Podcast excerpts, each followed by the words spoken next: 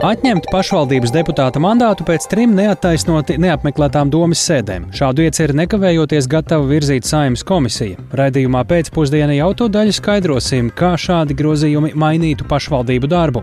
Ukrainā tuvojoties augstākam laikam sagaida spēcīgākus Krievijas uzbrukumus infrastruktūras objektiem. Kā domāts stiprināt aizsardzību un palīdzēt iedzīvotājiem pārziemot, sazināsimies ar Kijivu.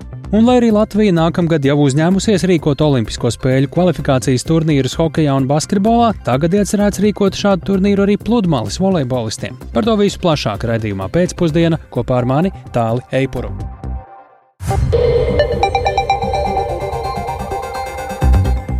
Pūkstens rāda 16,5 minūtes, skan pēcpusdienas ziņu programma skaidrojot šodienas svarīgus notikumus. Studijā Tālis Eipurs. Labdien! Vai pašvaldības deputātam būtu jāatbild ar savu krēslu par domas sēdes vairāk kārtēju neataisnotu kavēšanu? Par vietvarām atbildīgā ministra Inga Bērziņa no jaunās vienotības uzskata, ka jā. Šobrīd tas ir aktuāli Rēzeknē, kur domas koalīcija ar sēžu neapmeklēšanu cer panākt domas ārkārtas vēlēšanas, ko ministri neatbalsta. Ministrija gatavo likuma izmaiņas, lai pēc trīs sēžu neattaisnotas kavēšanas anulētu deputāta mandātu, nevis rastos iemesls atlaist visu pašvaldību. Pašvaldību savienībā to saredz kā apspriežamu ideju, ko varētu ieviest tikai pēc nākamajām pašvaldību vēlēšanām. Savukārt saimnes atbildīgās komisijas deputāti ieceri gatavi virzīt nekavējoties. Vairāk Jāņa Kīņša sagatavotajā ierakstā. Pašlaik likums paredz, ka deputātam par trīs reizes neataisnot kavētu domas sēdi mandātu var anulēt pati dome. Pašvaldību darbu pāraugošā ministra Inga Bērziņa no jaunās vienotības šo funkciju vēlas uzticēt politiski neitrālai struktūrai, centrālajai vēlēšana komisijai vai pašvaldības vēlēšana komisijai. Uz to mudinājusi situācija finanšu grūtībās nonākušajā Rēzeknes domē, kur koalīcijas deputāti nolūkā veicināt domas atlaišanu neierodas uz sēdēm.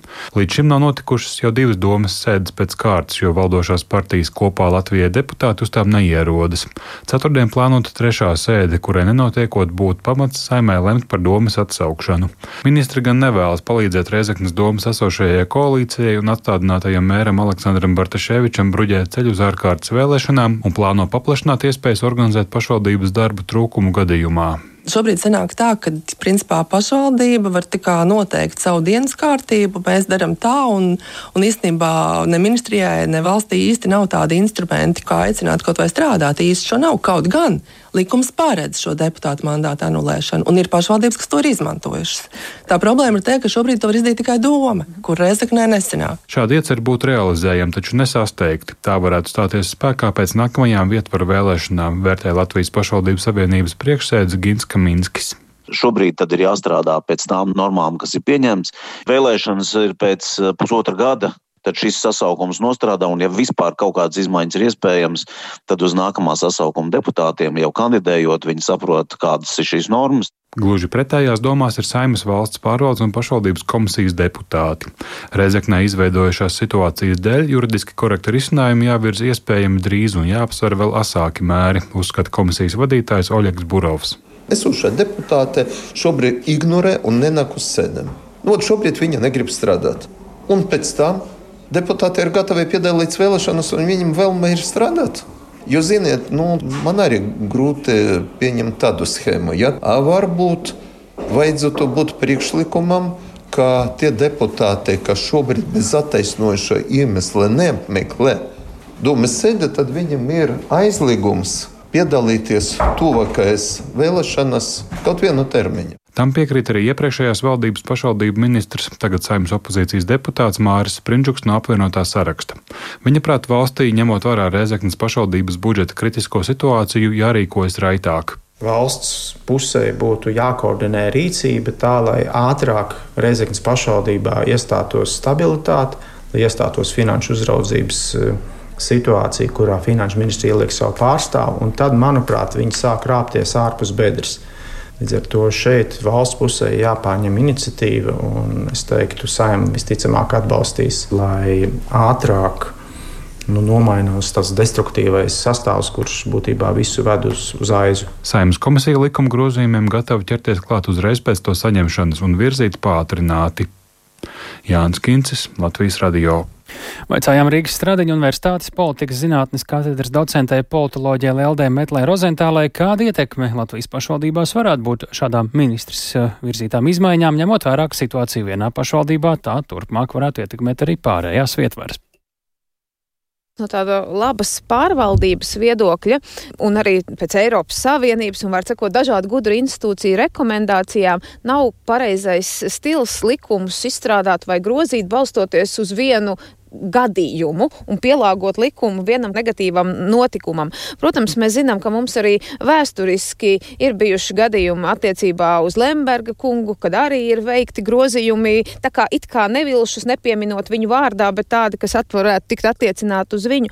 Tā arī šajā gadījumā, protams, ka šķiet, ka tas nu, visdrīzāk ir tieši saistīts ar notikumiem Reizeknas domē un to, ka eh, deputāti no mm, atstādinātā mēra partijas jau vairākas reizes neierodas uz domas sēdēm. Bet no otras puses, patiesībā jau nu, diezgan pamatots ir jautājums, ja tu esi ievēlēts, pašvaldība ir tavs darbiņš būt par deputātu, tad ja tu vairākas reizes pēc kārtas uz šo darbu neierodies, tad tieši tāpat kā jebkurā citā vietā, tevi visdrīzāk atstādinās no darba pienākumu izpildes. Arī šeit tas ir gluži pamatoti un loģiski, un eh, tā izmaiņa jau galvenokārt attiecas uz to, ka šobrīd šādu rīcību varēja piemērot pati dome saviem deputātiem, kas nenāk uz darbu, bet tas nozīmē, ka it kā tā pati struktūra, kas nenāk, tā pati arī sevi atbrīvo no uh, darba, vai arī neatbrīvo, kā tas visdrīzāk izskatās šajā gadījumā. Līdz ar to, protams, ka no tāda loģikas un tāda kaut kāda tiesiskās hierarhijas viedokļa, protams, būtu pilnīgi pieņemam, ka to dara kāda augstāk stāvoša struktūra, piemēram, tā ir vidas aizsardzības un reģionālās attīstības ministrija, kas atbild par uh, pašvaldībām. Tā kā šeit es tādus ļoti lielus mīnus vai riskus tajā nesaskatu, jo zināms, ka arī citās valstīs šādi šāda praksē pastāv. Un faktiski tas ir tāds normāls kontrols mehānisms, ka ja tu neattos, nu neierodies, tad tavā vietā nāk kāds cits, kas var ierasties. Pašvaldības savienība saka, ka varbūt nesteigties un šādu kārtību ieviest uz nākamo sasaukumu. Tas dod iespēju apdomāt rūpīgi arī detaļas, jo tādu visticamāk šeit ir daudz, kaut vai kas tad īsti ir attaisnots kavējums mm -hmm. un tā mhm. tālāk. Vienlaikus tas atkal nerisina politisko sabotāžu, ko līdz šim varbūt daudz prāt ir veikusi Reizeknas pašvaldība kā saka latviešu parunu, tad zirgus uz pārmijām nemaina, tieši tā iespējams, ka procesā šīs pašvaldības darba laikā spēles noteikums īsti mainīt nav līdz galam juridiski korekti, jo tas ir tas tiesiskās paļāvības princips, ka tu uzsākot kādu procesu, esi vienojies par spēles noteikumiem, kas būs spēkā konkrētajā periodā. Tāpēc eh, es, es teiktu, ka jā, ka tā steidzamības kārtā šobrīd iespējams nebūtu līdz galam pareizi. Es domāju, ka viss tā situācija, protams, kāda Reizeknē ir izveidojusies, ir nepatīkama, bet, manuprāt, viņu drīzāk tad vajadzētu, ja paredzams ir ārkārtas vēlēšanas visdrīzāk, jo, jo pašvaldība nav darboties spējīga, deputāti nenāk uz sēdēm, tad ir jāatstādina ne tikai uh, priekšsēdētājs, bet tad ir jāatlaiž arī visa doma. Nu, tad iespējams, ka šīs jaunās vēlēšanas arī varētu būt brīdis, kad pārējās opozīcijas partijas vai konkurenti varētu nu, stāstīt šo absurdo situāciju, ka patiesībā tātad deputāti nav nākuši uz sēdēm un izmantot to kā skaidrojošo materiālu vēlētājiem, bet tik ļoti nesteigties ar šī lēmuma pieņemšanu. Un, ja ievēl līdzīgu domu, tad tāda ir rezekniešu izvēle. Nu, patiesībā jā, un tas risks jau pastāv, un par to jau laikam, protams, ka bažījās daudzi, bet es teiktu, ka še, šis ir tas brīdis, līdzīgi kā tas bija arī Ventspilī, ka tiešām pārējām partijām, kas grib konkurēt ar bijušā mēra partiju, ir jāsasparojas un nevis tā kā, nu, vienkārši jāīd, cik grūti ir Reizeknē, ka tur neko nevar ietekmēt, bet iespējams ir tā ļoti, ļoti, ļoti jāinvestējas eh, priekšvēlēšana kampaņā, ļoti jāstrādā ar cilvēkiem, jo tomēr šis ir tāds lūzuma mirklis, kurā, nu, ir iespēja to situāciju mainīt, bet tikai tad, ja tu tiešām nu, tagad ieliec visus spēkus tajā procesā. Tā Rīgas Stradiņa Universitātes politikas zinātnes katedras docente politoloģa Lelde Metla Rozentāla par rosinājumu, ka pašvaldības deputāts zaudē mandātu pēc trim neataisnotiem kavējumiem. Bet Latvijā ļoti strauji aug saslimšana ar covid, tomēr ārsti krīzi tajā nesaskata, sakot, ka covid eh, tik plašu un globālu apdraudējumu, kādu piedzīvojām pirms dažiem gadiem, vairs nerada, un visticamāk ar to mums būs jāsadzīvo arī turpmāk, līdzīgi kā ar gripu. Tā vai eh, tā, tā eksperti norāda, ka labākā iespēja mazināt riskus, tā vai tā ir vakcinācija, bet Cik pieejamas ir vakcīnas? Plašāk klausāmies Agnijas Lazdiņas ierakstā. Šobrīd apkārt cirkulējot visi iespējamie augšējo elpceļu vīrusi, ne tikai covid un gripa. Tā norāda Latvijas ģimenes ārstu asociācijas valdes locekle Aija Graudiņa. Covid pieņemoties spēkā un ar katru dienu ģimenes ārsti konstatē arvien vairāk saslimušo, turklāt vīrusa straujāka izplatība sākusies tieši novembra sākumā. Pret Covid vakcināciju tie, kas mums ļoti vēlējās, ir dabūjuši savas potes, bet salīdzinot ar iepriekšējiem gadiem, ir ļoti zema atsaucība. Lai arī mēs uzrunājam, piedāvājam, lielākoties par sevi uztraucās tomēr seniori, tādi 75, plus, kas arī saņēmuši. Labāk mums iet ar gripas vakcināciju. Covid vakcīnas valstī ir pieejamas visi iespējamie veidi, bet mums trūkst gripas vakcīnu. Graudiņa norāda, ka ģimenes ārsti esot saņēmuši vēsti, ka gripas vakcīnas vairs nav pieejamas hroniskiem pacientiem līdz 65 gadiem, tostarp vakcīnu trūkst arī zīdaiņiem. Taču gripas vakcīnas ir pieejamas pacientiem vecumā virs 65 gadiem un arī instranazālās gripas vakcīnas bērniem no 2 līdz 7 gadiem. Arī ģimenes ārste no Jelgavas Ilzas Strēle stāsta, ka viņas praksē ar covidu slimo nepār nepārtraukti, un ikdienu ir līdz pat četriem saslimšanas gadījumiem. Pret gripu vakcinēties atsaucība ir mērena. Nav tāda, kā bija citus gadus, bet jā, cilvēki nāk, un ja cilvēkiem vēl piedāvā, tad viņi to vēlās darīt. Bet ir atkal problēmas ar vakcīnām, protams, bet arī atsaucība nav tik liela, kā bija pirms tam. Bet uh, pret covid vakcinēties cilvēki vēlās ļoti maz. Atsaucība vakcinācijai pret gripu šogad varētu būt labāka, it īpaši no riska grupām. Tā atzīst Latvijas lauku ģimenes ārstu asociācijas viceprezidents Ainis Dzelps. Tāpat viņš stāsta, ka neņemot vērā saslimstības covid pieaugumu, arī interese par šo slimību sabiedrībā ir krietni samazinājusies. Šobrīd vakcīnas ir pieejamas ģimenes ārstu praksēs. Ir varbūt atsevišķas vakcīnas, kuras jau sāk trūkt. To izlietojums tātad ir gana labs, bet joprojām šis pakalpojums ir vēl pieejams. Ja, bet tiešām tie krājumi ģimenes ārstu praksēs atsevišķās jau sāk samazināties. Un es domāju, nu vēl novembra mēnesī mums būs ko piedāvāt, bet pēc tam tiešām varētu būt grūtības. Kā skaidro slimību profilakses un kontrolas centra pārstāvja Ilze Arāja, līdz pagājušajai nedēļai ir veikts nepilns 71 tūkstotis gripas vakcināciju un 13,5 tūkstoši vakcināciju pret covid-19. Vakcinācijas pret covid ir pieejamas dažādas, un tās ārsti var brīvi pasūtīt pēc izvēles. Savukārt gripas vakcīnu skaitam regulāri tiek sekots līdzi. Monitorējot situāciju, mēs redzam, ka desmit un vairāk devas ir vairāk kā 700 iestādēs. Tas ir vairāk kā puse uh, iestāžu skaits, kas veic vakcinācijas, bet jāsaka, ir atsevišķas prakses arī, kur ir uh, minimālāks devu skaits. Kopumā pieejami ir vairāk nekā 25 tūkstoši gripas vakcīnu devu. Agnija Lazdiņa, Latvijas radio. Vakcinēties pret covid-19 var bez maksas, jebkurā vecumā, bet pret gripu bez maksas vakcinēties var grūtniecis, bērni vecumā no 6 līdz 23 mēnešiem, cilvēki vecumā no 65 gadiem un vēl citas personu grupas.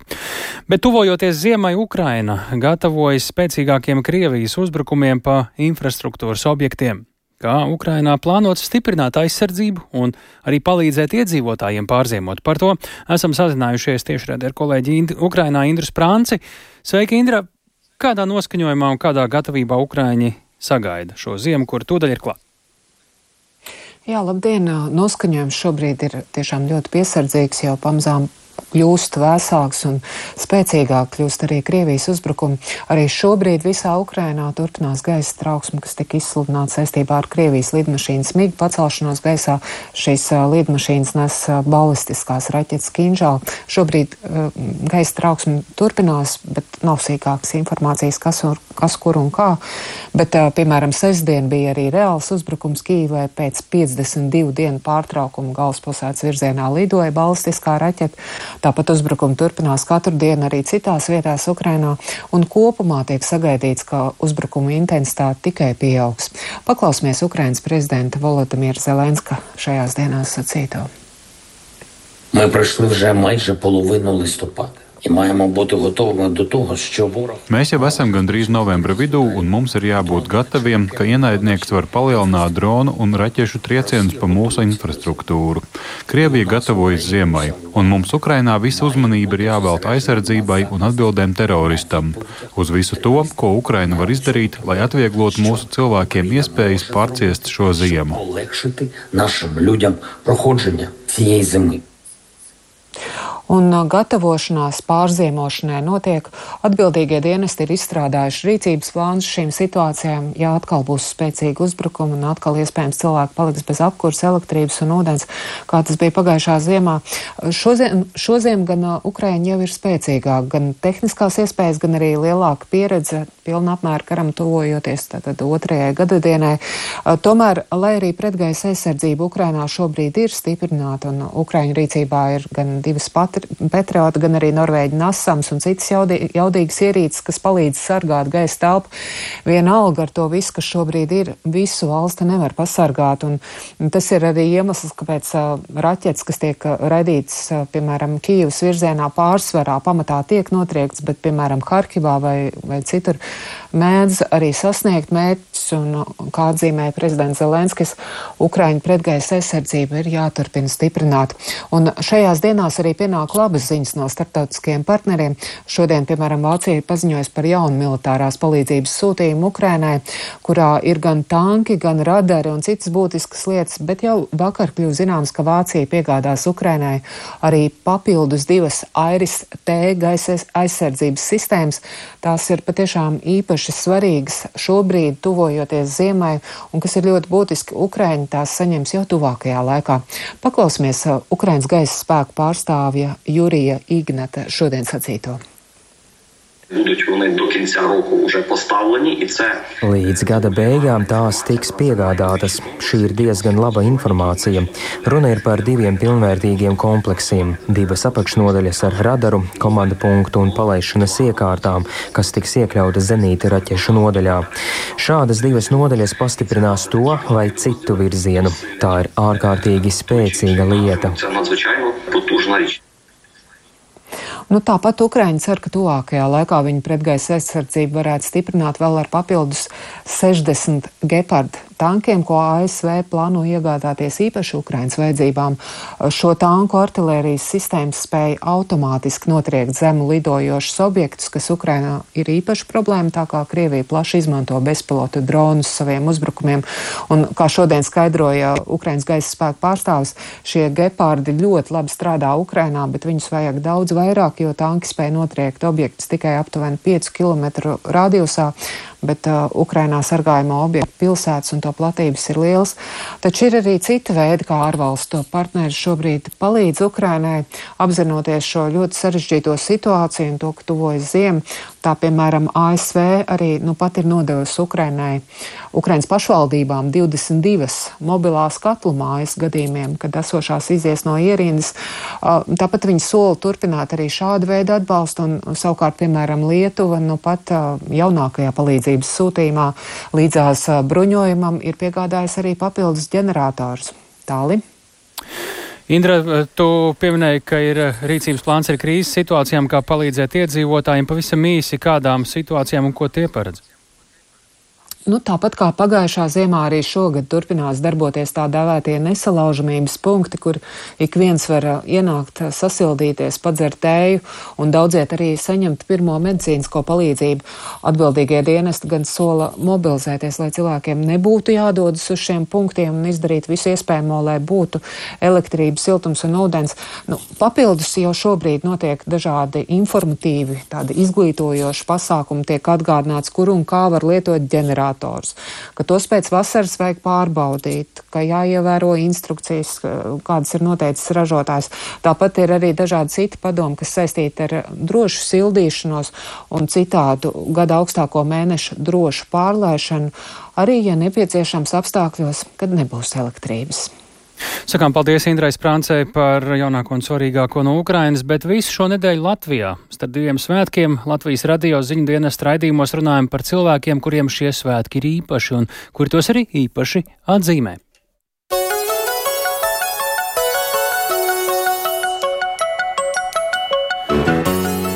Pirms 16 gadiem Latvijas dienā Cēzu pilsētas parkā uzņēmējs Renārs Sproģis sāka tradīciju iedegt svecītes Latvijas kontūrā. Tagad to jau kuro gadu papildina arī multimediāls priekšnesums, gaismas projekcijas uz pilsmūriem, bet šogad valsts svētku nedēļā Renārs Sproģis rosina sākt jaunu tradīciju - Rūtskas mūžas parkā stādīt tik daudz stulpju un narcīšu, cik Latvijā aizvadītajā gadā piedzimuši bērni. Ar Renāru Sproģi Rūtskas mūžā tikās mūsu vidzemes korespondente Gunta Matisone. Ņemat lāpstu, nolūkojat savu vietu, labi, liekam tur sīpolīšu. Tālāk mēs varētu durt un likt šeit un iet uz priekšu. Rūtskas mūža parkā tobrīd tūpju un narcišu sīpolu stāda vairākas ģimenes ar bērniem, bet kā pareizāk to darīt, ierāda dāsniece Vineta Radziņa. No selekcionāra Jāņa Dukaļska ar viņa svētību ir sagādāts tulpes un narcis, kas Latvijā ir izaudzēti. Šeit ir mikslis, tulpju un narcišu no pašām agrākajām šķirnītēm līdz vēlākajām. Bet kāpēc radusies šādi iecer stādīt tulpes un narcis katram aizdītajā gadā dzimušajam bērnam?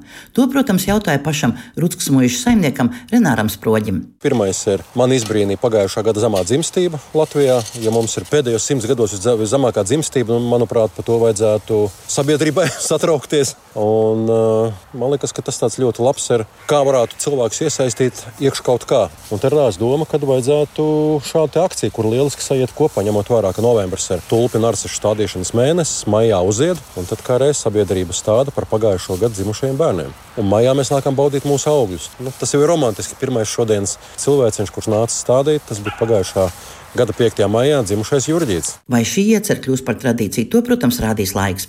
Bet savulaik viņa aizsāktā Latvijas plēšdienas atzīmēšana ar pasākumu Cēlspils parkā nu jau ir kļuvusi par neatņemamu svētku norisi. Uz kāpnēm tiek iedegts svecīts Latvijas kontūrā, un savukārt uz pilsētas torņa gaismas projekcija stāsta kādu Latvijas stāstu. Šoreiz tas bija veltīts valodai. Tev vajag kaut kādā mērā ar kaut ko dalīties. Un es domāju, nu, ka šis ir tas, ko es māku. Es māku organizēt, un tā ir kaut kāda dalīšanās ar, ar apkārtējiem. Un, un beigu, beigās šis formāts ir izvērties par tādu, ka neko pielikt, neatņemt. Mana pārliecība ir tāda, ka tāpat tam vidējam latvietim, tā vārda labajā nozīmē, viņiem ir tās alkas vai ilgas būt kopā. Taujāts, kas ir pamatā, kāpēc ir šī vēlme aicināt kopā cilvēkus un rosināt aizdomāties par mūsu valsts vēsturi, Renārs atbild, ka viņam ir svarīga piederības sajūta savai zemē. Mana vecā māma, kura jau ir mūžībā, nu, tad man bija kad, varbūt 35, un es tā neieklausījos viņā. Mēs jau sākām laukus apdzīvot, kur tagad dzīvojam. Un viņa saka, Renāri, ka te ir gājuši simts gadu garumā tā visa senča, mēs esam laikam piektā paudze, kas tur dzīvo. Viņa saka, viņi visi domājuši par tevi, par nākošajām paudzēm. Un, tā, man bija 30, 35 gadus, tā neaizdomājos, un tikai pēc tam tu saproti, nu, tā tas arī ir. Tagad Renāram Sproģim ir jauns izaicinājums apsaimniekot Rutskas mūžu. Tās saimnieks gan viņš ir tikai no oktobra, kad to uz desmit gadiem bezatlīdzības lietošanā nodeva pašvaldība. Iepriekš Rutskas mūžs tika veidot kā mākslas rezidenču centrs. Man liekas, ka lielā mērā mēs esam sapratuši to virzienu, kādā vajadzētu iet. Es vēlos, lai tas ir mazs kultūras nams un nevis kā tāds tikai kultūras nams, bet atkal vai izdosies uzģenerēt. Bet tā vīzija ir tāda, ka tai būtu jābūt vietai, kur cilvēki grib būt kopā. Bet šonadēļ līdz pat valsts svētkiem Rutskas mūžā tiek gaidīts ik viens, kas vēlas pielikt arī savu roku Latvijas nākotnes puķu pļaus veidošanā. Gunta Matisona Latvijas rādio vidzemē. Sadzīves atkritumu apjoms Latvijā pieaug straujāk nekā vidēji Eiropas Savienībā. Pērn viens Rīgas un Pierīgas iedzīvotājs uz Getliņu poligonu aizsūtīja vidēji 280 kg nešķirotu sadzīves atkritumu. Lai samazinātu atkritumu daudzumu, uzņēmums Getliņa Eko rīko kampaņu. Tiesa vīdes aktīvisti norāda, ka problēmu jārisina citādi. Vairāk Viktora Demidova ierakstā. Eiropas Savienībā viens iedzīvotājs gadā rada vidēji līdz 500 kg sadzīves atkritumu. Latvijā ar tagadējo tempu šo līmeni sasniegs desmit gadu laikā. Tālēš uzņēmumā Getliņa Eko, kuru poligonā nonāk puse jeb 400 tūkstoši tonu sadzīves atkritumu no visas Latvijas. Lūk, Rīgas ielās uzrunāto cilvēku viedoklis par atkritumu skaita pieaugumu. Protams, šķirojam. Pirmkārt, rūpēties par dabu, un lai ir kaut kāda ilgspēja un nav, nav vienkārši tērēt, tērēt ar vien vairāk jaunas plasmas pudeles un uh, maisiņus, bet lai tas tomēr tie atkritumi tiek ielaisti vēlreiz kaut kādā apritē, dot viņiem vēl vienu iespēju. Потому что люди за собой не следят просто-напросто. Sadzīves atkritumu daudzums pieaug, jo cilvēki ir nekārtīgi. Turklāt tagad notiek paauģu maiņa, mode mainās un cilvēkos parādās tāds nihilisms. Man neko vakardienas nevajag, es labāk nopirkšu kaut ko jaunu. Nu, aizņem vietas vairāk, tā vienā konteinerā viss samet. Un... Bet mēs cenšamies tā. Man pers, teiksim, personīgi pie mājas nemaz nav tādi konteineri. Izrādās. Jūs šķirojat pats? Tikai pagaidām to taru, ko var nodot. Oktobrī uzņēmums Getliņa Eko pētījumā noskaidroja, ka vairāk nekā 80% uzrunāto Rīgas un Pierīgas iedzīvotājus samazināt nešķiroto atkritumu daudzumu motivētu praktiski padomi un informāciju par ieguvumiem. Pētījumā arī noskaidrojās, ka teju divas trešdaļas galvaspilsētas un to apkārtnes iedzīvotāju ikdienā nepievērš uzmanību atkritumu apjoma samazināšanai, jo neredz motivāciju, negrib mainīt paradumus vai uzskata to par apgrūtinošu turpina uzņēmuma vadītājs Imants Stirāns. Problēma šī gadījumā, lai neradītu nav konteineros, ir cilvēku galvās. Ir jāmēģina cilvēkam iestāstīt, ka lieku ģenerēt, mest ārā, nelietot, ja nepietiekami ilgu laiku lietot, ka tas nav labi. Lai samazinātu sadzīves atkritumu daudzumu, šodien uzņēmums sācis kampaņu, kas ilgs divus mēnešus, turpina Getliņa Eko vides un attīstības pārvaldes vadītāja Līga Šmite. Mums arī šķiet, ka šis aizsākšanas brīdis ir ļoti pareizs, ņemot vērā arī tos notikumus, ka te ir gan Black Friday, kā mēs zinām, viņš arī Latvijā šobrīd ir populārs, gan arī tuvojošies Ziemassvētki, kad ir tiešām tas drudzis sācies cilvēkiem un cilvēki plāno tiešām pārmērīgu pirkšanu, varbūt nevienmēr pārdomātu pirkšanu, un attiecīgi mēs mēģināsim ar praktiskiem padomiem kā, aizstāt, kas ir tās lietas, kā to varētu darīt savādāk, lai atkritumu daudzums mazinātos. Savukārt vides aktīvistu biedrībā Zero Waste Latvija uzskata, ka problēma Latvijā jārisina citādāk. Viņi norāda, ka valstī ir jāsamazina tarifs par bioloģisku atkritumu konteineriem. Iemesls - bioloģiskie atkritumi veido līdz 40% no visiem atkritumiem, tā saka organizācijas pārstāve Maija Krastiņa. Ja tad sistēma tiešām nav cilvēka mērta, šķirošanas konteineri ļoti, ir ļoti grūti pieejami. Cilvēki nerod finansiālo motivāciju, jo ļoti bieži, īpaši mikrorajonos, nekādā veidā nevar ietekmēt to radīto apjomu, radīto atkritumu apjomu. Ja? Um, nu, tur ir vesela kaudze tādu loģistisku problēmu, kuras tiešām cilvēku diemžēl nemotivē, viņš neredz tam jēgu. Sistēma tādā ziņā ir greiza, ka mums ir katram uh, jālūdz bez mazliet, lai šo konteineru mums uzstādītu. Pat ja konteiners ir obligāts, piemēram, Rīgas pilsētā, ja mēs neveicam katru šo soli, uh, pie kāda vērsties un lūgt šo konteineru uzstādīt, tad šī konteineru nav. Šim te, uh, atkritumiem, atkritumu konteineriem būtu jābūt standarta risinājumiem. Mēs zinām, ka mājā ir 60 dzīvokļi, tam ir jābūt vienam tādam, tādam, tādam, tādam konteineram, un šie konteineri tur tiešām arī ir. Cilvēki vienkārši nezina, pie kā vērsties. Viņi nezina, ka viņiem šie konteineri pašiem jāpasūta.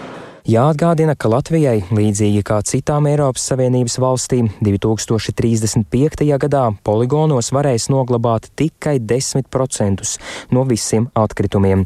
Viktors Demidovs, Latvijas radio. Vīdes aizsardzības un reģionālās attīstības ministrijas valsts sekretāra vietnieka pienākumu izpildītāja vīdes aizsardzības jautājumos Rudīta Vesera ir pie raidījuma pēcpusdienu klausulas. Labdien!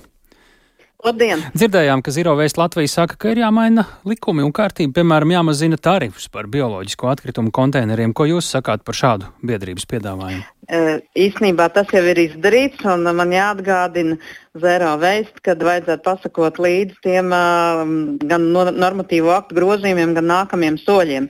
Jo atkrituma apsaimniekošanas likumā jau pavasarī tika izdarīti grozījumi, kas paredz, ka attiecīgi bioloģisko dalīto atkritumu vākšanas maksai ir jābūt 60% apmērā no nešķiroto sadzīves atkritumu. Varbūt viņi grib vēl vairāk samazināt. Maksas.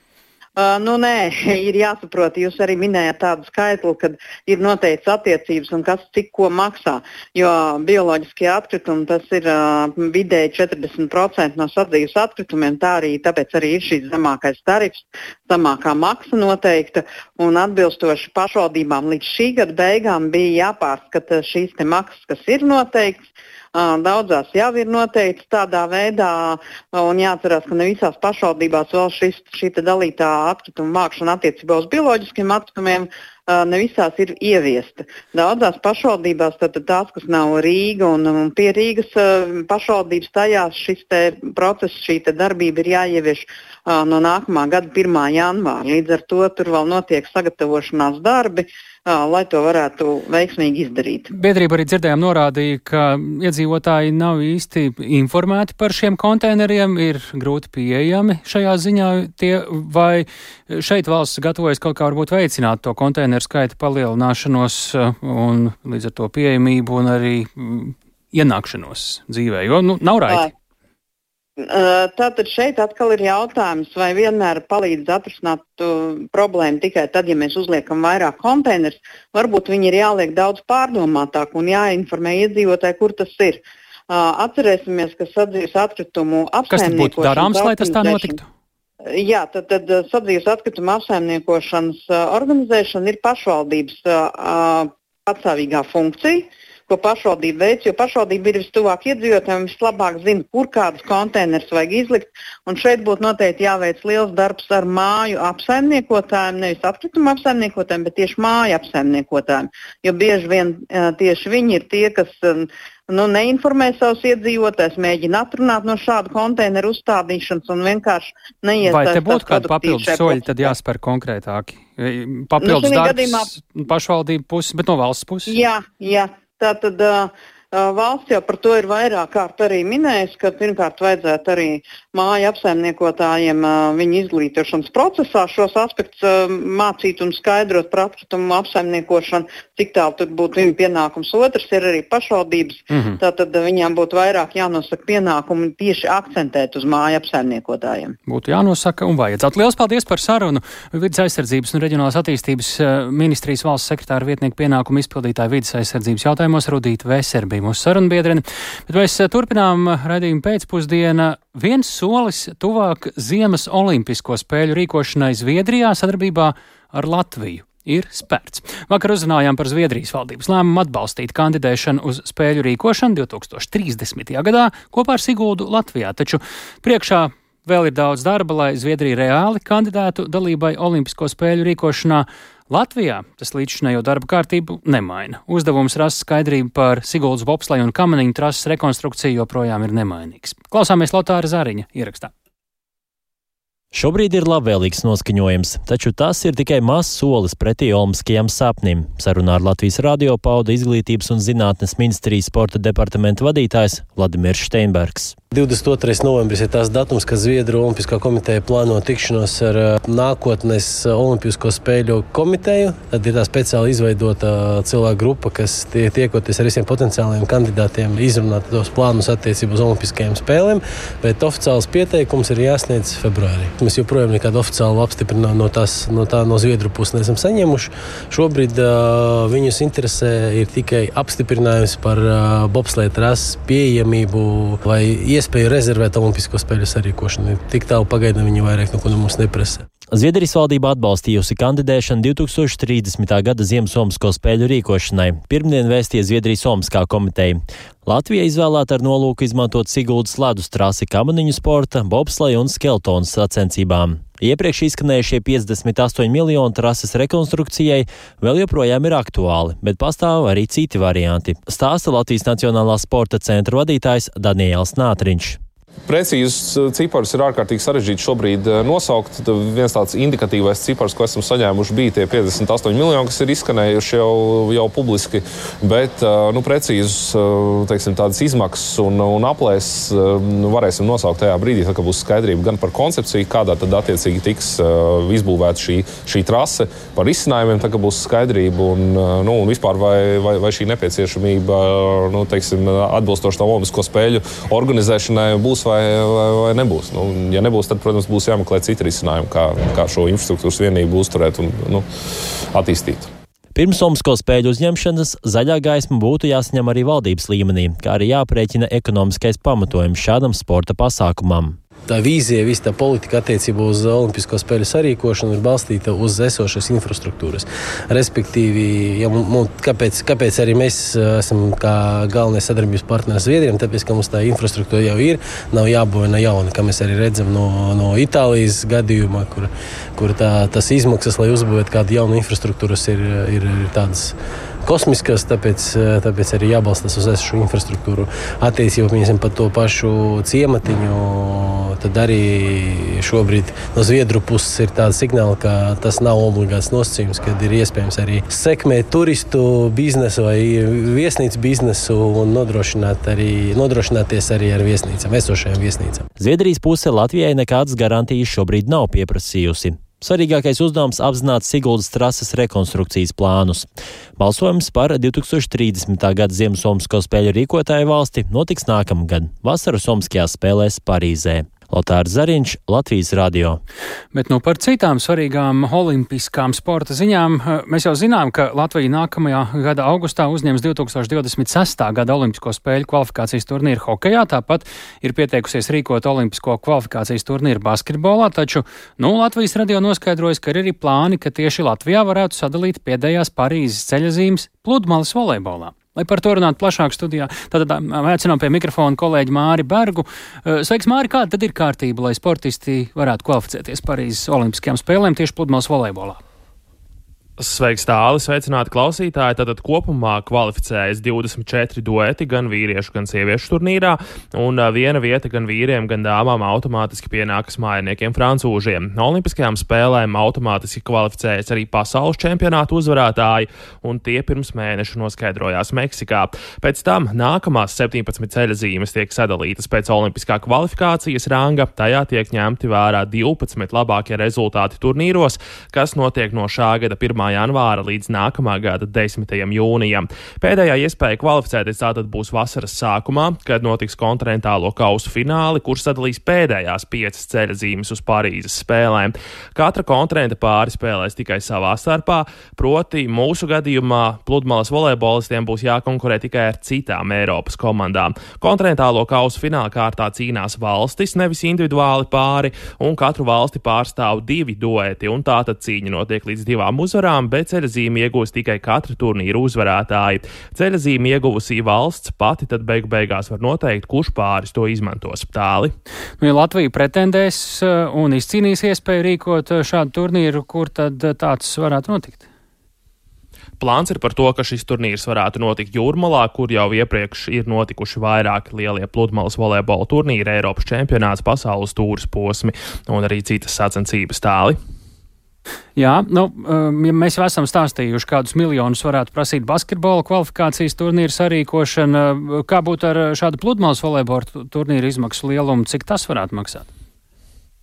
Nu, salīdzinot ar basketbolu, šāds pludmales volejbola turnīrs izman, izmaksātu vairākas reizes lētāk, bet precīzāk par izmaksām un aptuvenajiem aprēķiniem stāsta Volejbola federācijas ģenerālsekretārs Ārnis Stunte. Mūsu summa ir neslēpjot 400 tūkstoši, ko mēs pretendētu, lai abiem dzimumiem nodrošinātu teiksim, šo turnīru. Tas ir ieskaitot organizatorisko pusi un licenci. Un, nu, ir kopējā summa, ko mēs prasām. Savukārt tā ir lielākā daļa teiksim, no šī turnīra. Un, un pārējā daļa, kas ir 250 tūkstoši, mēs ar pašvaldību un uh, citiem līdzekļiem, atbalstītājiem, biļetēm mēģināsim aizpildīt. Mm. Nu, tā tad aptuvenā summa ir 650 tūkstoši eiro.